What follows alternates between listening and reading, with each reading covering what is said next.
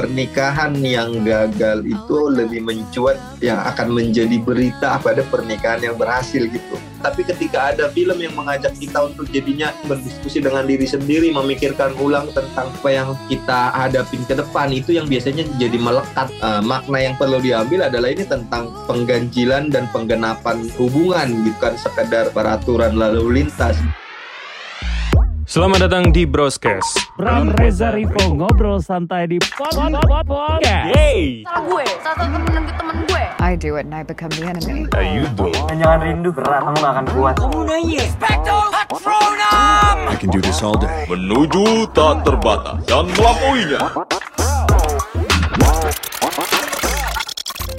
Selamat datang di Broadcast. Kali ini balik lagi bareng gue Bram Herlambang dan kita akan membahas film yang lagi naik di layar bioskop kita yaitu Ganjil Genap sudah bersama dengan kita semua yaitu sang sutradara Benedion.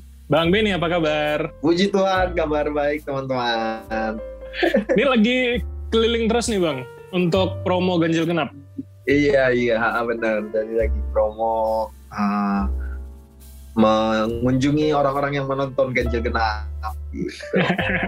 Oke oke, tapi kalau weekend nggak kenal nggak kena ganjil genap lah ya. Ganjil Genapnya di bioskop bukan di jalan.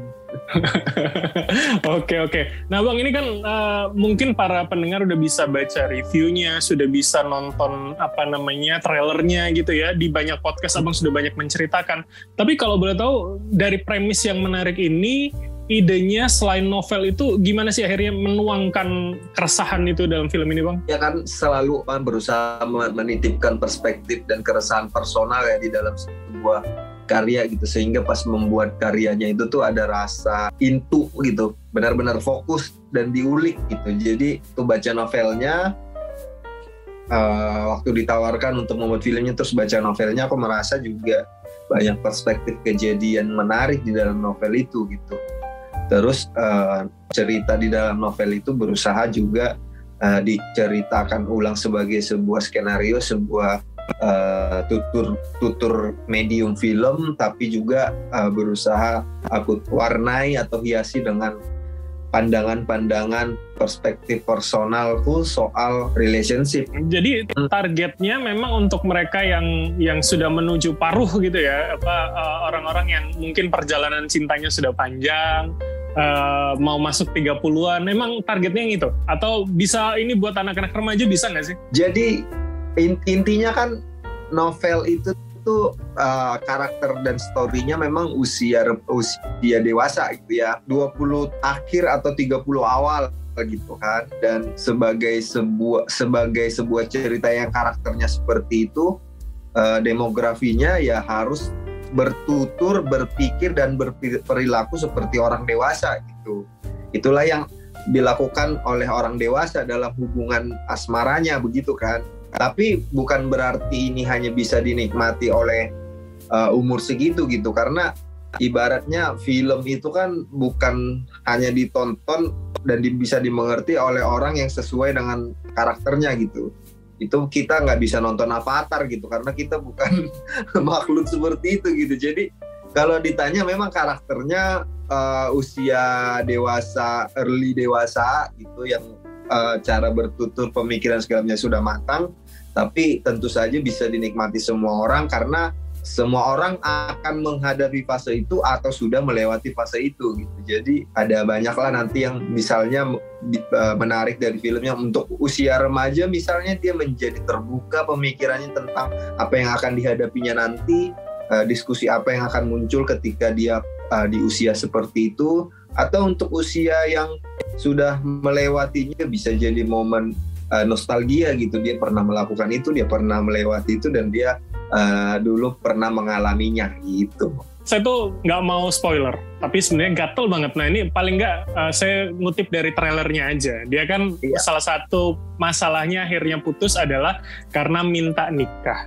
Nah itu itu ya. emang emang apa kalau Bang Bene dan tim atau penulis novelnya melihat itu menjadi keresahan banyak uh, pemuda di di akhir 20-an nggak sih? Dan itu relate sama semua orang nggak sih? Iya betul, karena kan pernikahan ini kan sesuatu yang kita tahu rumit dan perlu pemikiran matang gitu kan. Karena pernikahan yang gagal itu lebih mencuat yang akan menjadi berita, akan menjadi diskusi daripada pernikahan yang berhasil gitu.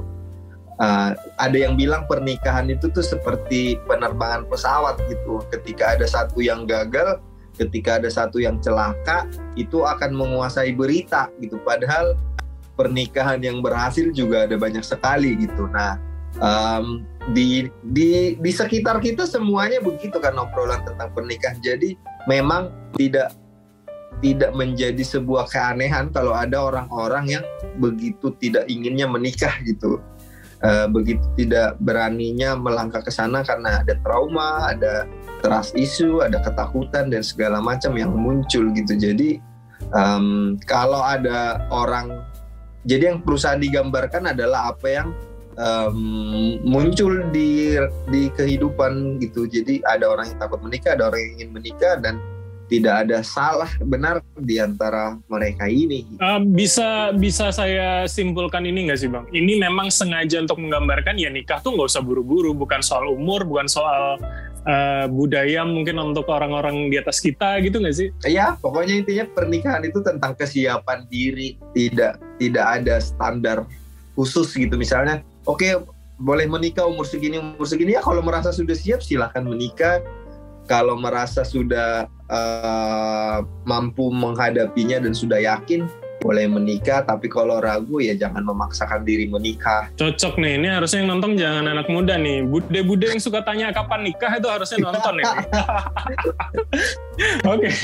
bang uh, akhirnya seberapa susah bang? Uh, uh, untuk membuat film romantik tapi juga komedi? Abang kan dasarnya juga komika terus kemudian saya yakin pasti sense humornya pasti ingin dimasukkan. Gimana mengimbangi itu dalam tapi tetap renyah diterima? Jadi harus harus saya akui novelnya itu tuh sudah lucu banget. Ceritanya juga sudah bagus. Uh, yang yang berusaha saya lakukan adalah mengubahnya menjadi uh, sebuah cerita formula film. Ada banyak subplotnya, ada banyak yang ingin diceritakan dan itu tidak mungkin dilakukan di dalam film karena film ada keterbatasan uh, medium bercerita, keterbatasan durasi. Jadi sem, uh, semua potensi terbaik yang ada di novelnya saya gunakan dan uh, kalau dilihat di filmnya ya sebagian besar yang yang digunakan di film itu adalah sebagian besar isi novel gitu sih. Jadi uh, harus diakui uh, dalam produksi kali ini film Ganjil Genap ini uh, relatif lebih mudah karena sudah ada modalnya. Tapi ini nggak sih maksudnya dengan aktor-aktor uh, yang biasa main film serius atau romantik yang yang tanpa komedinya sebanyak ini gitu, susah nggak sih akhirnya ngetrit mereka me me memerankan sesuai yang Bang Beni harapkan? Oke, okay, um, awalnya sih ber awalnya sih jujur deg-degan berpikir uh, ini para aktor bisa nggak ya tapi ternyata yang yang perlu dijelaskan adalah karena kan mereka aktor yang perlu mereka pahami adalah apa yang dipikirkan karakternya, kenapa karakternya berkata seperti itu dan apa yang uh, dilakukan apa yang harus dilakukan karakternya kenapa dia bersikap seperti itu gitu. Jadi yang saya lakukan adalah berusaha menjelaskan keadaan segala macamnya. Nah, ketika itu di, dilakukan dengan baik, kelucuan itu akan muncul secara natural gitu. Jadi jangan sampai mereka berpikir untuk melakukan itu demi lucu gitu. Tapi berusaha dijelaskan kenapa karakternya berkata seperti ini kenapa karakternya bersikap seperti ini. Dan ketika itu dilakukan dengan benar kelucuannya akan muncul gitu sih. Jadi uh, selalu ditanamkan pokoknya sampaikan ini karena karakternya merasa begini bukan ingin bikin penonton ketawa gitu. Karena kalau ingin bikin penonton ketawa nanti secara uh, gestur dan segala macam tuh terasa tidak natural gitu terasa seperti memang uh, sedang sedang ngelucu gitu itu sih yang ber, yang berusaha disampaikan gitu oke okay, ini saya mencoba memposisikan uh, pendengar yang belum nonton nih bang tapi uh, yeah. artinya biasanya abang ini kan tipenya paling nggak dua film yang dulu misalkan karakter utamanya serius tapi dikelilingi orang-orang yang memang lebih jenaka gitu kan. Formula itu masih digunakan nggak sih di ganjil genap kali ini? Sebenarnya pun sebenarnya pun yang sangat tebal masih seperti itu ghostwriter ya yang lumayan hmm. gitu. Walaupun walaupun ghostwriter pemeran utamanya pun uh, jadi jadi saya tidak ingin sekali membuat film yang membedakan karakternya gitu. Jadi kayak ini karakter drama ini karakter komedi. Enggak sih. Berusaha setiap karakter ya melakukan segala macam uh, adegan itu dengan baik.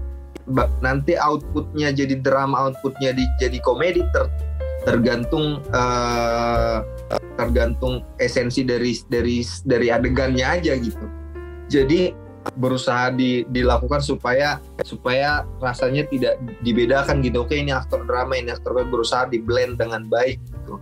Dan uh, semakin semakin ke sini juga pengalaman-pengalaman di produksi se sebelumnya juga semakin memberikan pelajaran gitu. Oke uh, karakternya ini akan berperilaku se seperti ini nanti nanti uh, apakah itu ditangkap sebagai sebuah adegan serius atau adegan komedi biarlah itu menjadi reaksi penonton masing-masing gitu.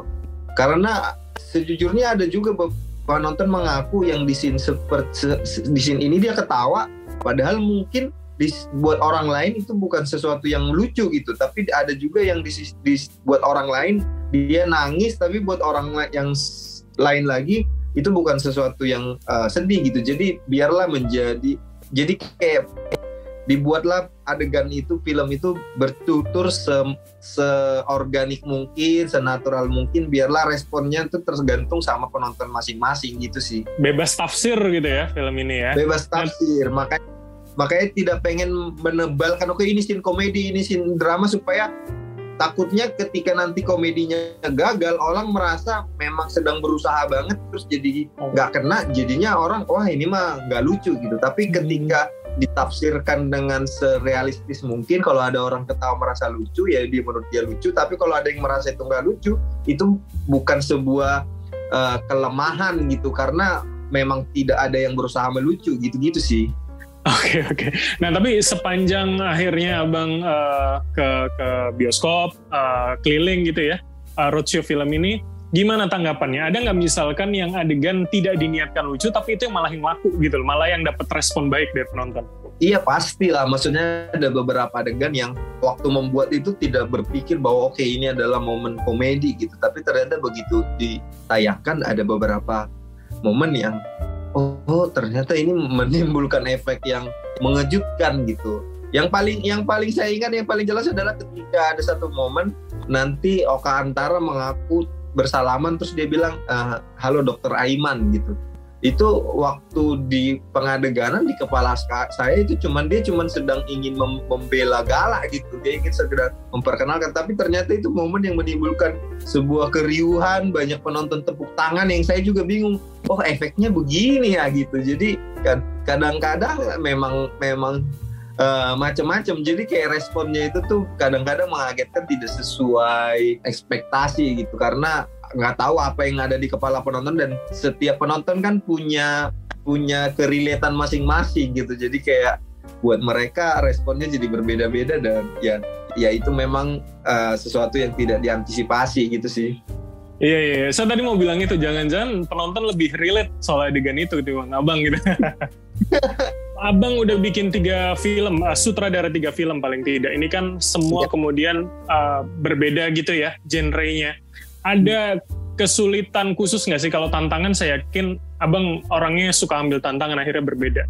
Ada, ada ininya nggak sih tanta perbedaannya gitu loh. Tapi artinya orang tidak akan membandingkan antara film kedua dan yang pertama juga. Gimana? Sebenarnya sebenarnya secara sadar tidak kayak ingin ingin mem membedakan diri gitu. Maksudnya tidak ada niat kayak saya akan membuat sebuah satu yang sangat berbeda dengan ngeri-ngeri sedap dengan ghostwriter tidak ada niat untuk membandingkan secara kreatif, secara teknis gitu. Jadi uh, yang yang dilakukan adalah oke okay, ini bikin film uh, memikirkan bagaimana cara mendeliver atau mengadegankan film ini dengan baik gitu. Tidak dengan ada pemikiran oke okay, ini harus berbeda, ini harus segala macam. Kalaupun ternyata dirasa berbeda atau dirasa sama, tidak masalah buat saya gitu. Yang penting film yang sedang saya buat itu adalah yang terbaik yang bisa saya hasilkan gitu sih. Jadi tidak ada keinginan untuk berusaha membedakan. Paling tidak tapi sesuai ekspektasi nggak sih bang? uh, bukan hanya dari soal penonton ya atau atau kita bicara jumlah, tapi soal gimana reaksi mereka, uh, harapan value yang ingin disampaikan tuh nyampe nggak sih penonton sejauh ini? Uh, mungkin karena karena usia, karena perjalanan hidup juga kayak merasa bahwa uh, film film tuh kan kayak harus punya punya sesuatu yang yang membuat orang mengenangnya gitu.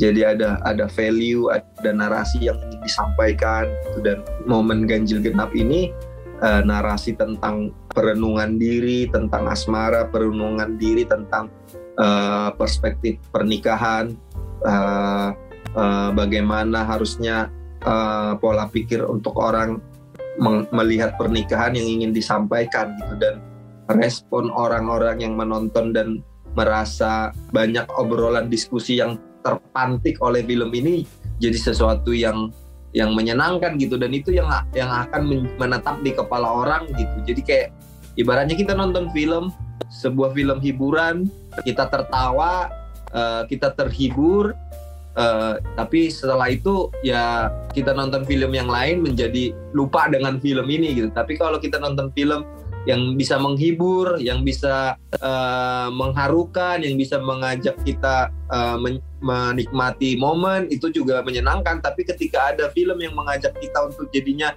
berdiskusi dengan orang lain, berdiskusi dengan diri sendiri, memikirkan ulang tentang uh, apa yang uh, kita hadapin ke depan itu yang biasanya jadi melekat gitu jadi punya ruang untuk eh, masing-masing uh, gitu jadi harapannya kenapa film ini kes, uh, ada rasa kayak mengajak diskusi gitu-gitu supaya filmnya itu punya kesan untuk setiap penontonnya gitu sih. Asik. Tapi orang jadi ber uh, apa ya merenungkan gitu loh. Yang hubungannya lebih dari empat tahun ini jangan-jangan emang benar saya harus udahan dan cari yang lain gitu gimana dong? Gitu. ya itu tadi itu tadi makanya berusaha juga kayak kan selalu memantik gitu bukan hmm. memberitahu bahwa ini yang baik ini yang buruk ini adalah yang harus dilakukan gitu. Jadi kayak memang filmnya itu tuh uh, mengajak untuk memikirkan ulang tapi apa yang dipikirkan ulang apa yang dilakukan apa yang di segala macam biarlah menjadi keputusan masing-masing. Jadi filmnya itu mengajak orang berdiskusi tapi tidak ingin menghakimi terus mengatakan ini yang salah ini yang benar gitu. Jadi ya silakan silakan ambil sesuatu yang cocok untuk setiap orangnya lah gitu. Oke oke siap siap bang terakhir uh, ini ada pertanyaan titipan dari netizen. Kami kemarin bilang okay. akan wawancara bang dan salah satu pertanyaan ini menarik buat kami ketika judulnya ganjil genap, bagaimana orang yang tidak di kota besar yang tidak merasakan sistem ganjil genap itu bisa relate dan merasa harus nonton film ini? Oke, jadi memang harus diakuin film ini metropol ya urban di Jakarta dan momen ganjil genapnya itu tuh terjadi dari momen uh, peraturan lalu lintas di Jakarta gitu. Tapi uh, makna ganjil genap ini akhirnya secara dari novel pun ditarik menjadi lebih luas gitu tentang hati yang ganjil kalau sendirian lalu adanya pasangan menjadi genap gitu. Jadi ketika orang-orang yang tidak mengalami ganjil genap di di Jakarta yang tinggalnya di luar Jakarta uh, makna yang perlu diambil adalah ini tentang uh, pengganjilan dan penggenapan uh, hubungan gitu bukan sekedar peraturan lalu lintas gitu dan itu yang berusaha dibungkus di ganjil genap ini jadi bukan sekedar tentang Jakarta tapi tentang uh, kehidupan dan perspektif orang-orang uh, usia akhir 20-an atau awal 30-an tentang uh, patah hati, tentang komitmen, tentang pernikahan dan tentang uh, bagaimana uh, menjaga hubungan dengan pasangannya gitu sih. Oke, itu jadi bahan gombalan banget nggak sih tadi menggenapi sesuatu yang ganjil? Betul, kayak uh, bisa bisa nanti digunakan untuk pasangan gitu. Aku aku ganjil, kamu ganjil, kita saling menggenapi. Asik. itu bisa dipotong buat TikTok bang. Iya. Oke siap, Bang Bene. Terima kasih banyak sudah ngobrol di kami setengah jam ini dan harapannya tentu uh, akan terus nambah layarnya semakin banyak penontonnya dan akan semakin banyak orang juga yang ikut uh, berdiskusi dengan dirinya sendiri soal hubungan dan pernikahan. Thank you sekali lagi ya Bang. Uh, Terima kasih. Sampai sini dulu broadcast episode kali ini. Sampai ketemu lagi di episode mendatang. Sampai jumpa. Selamat datang di Broadcast. Bram Reza Rivo ngobrol santai di Pod Pod Pod Podcast. Salah gue, salah satu temen temen gue. I do it and I become the enemy. Jangan rindu berat, kamu gak akan kuat. I can do this all day. Menuju tak terbatas dan melampauinya.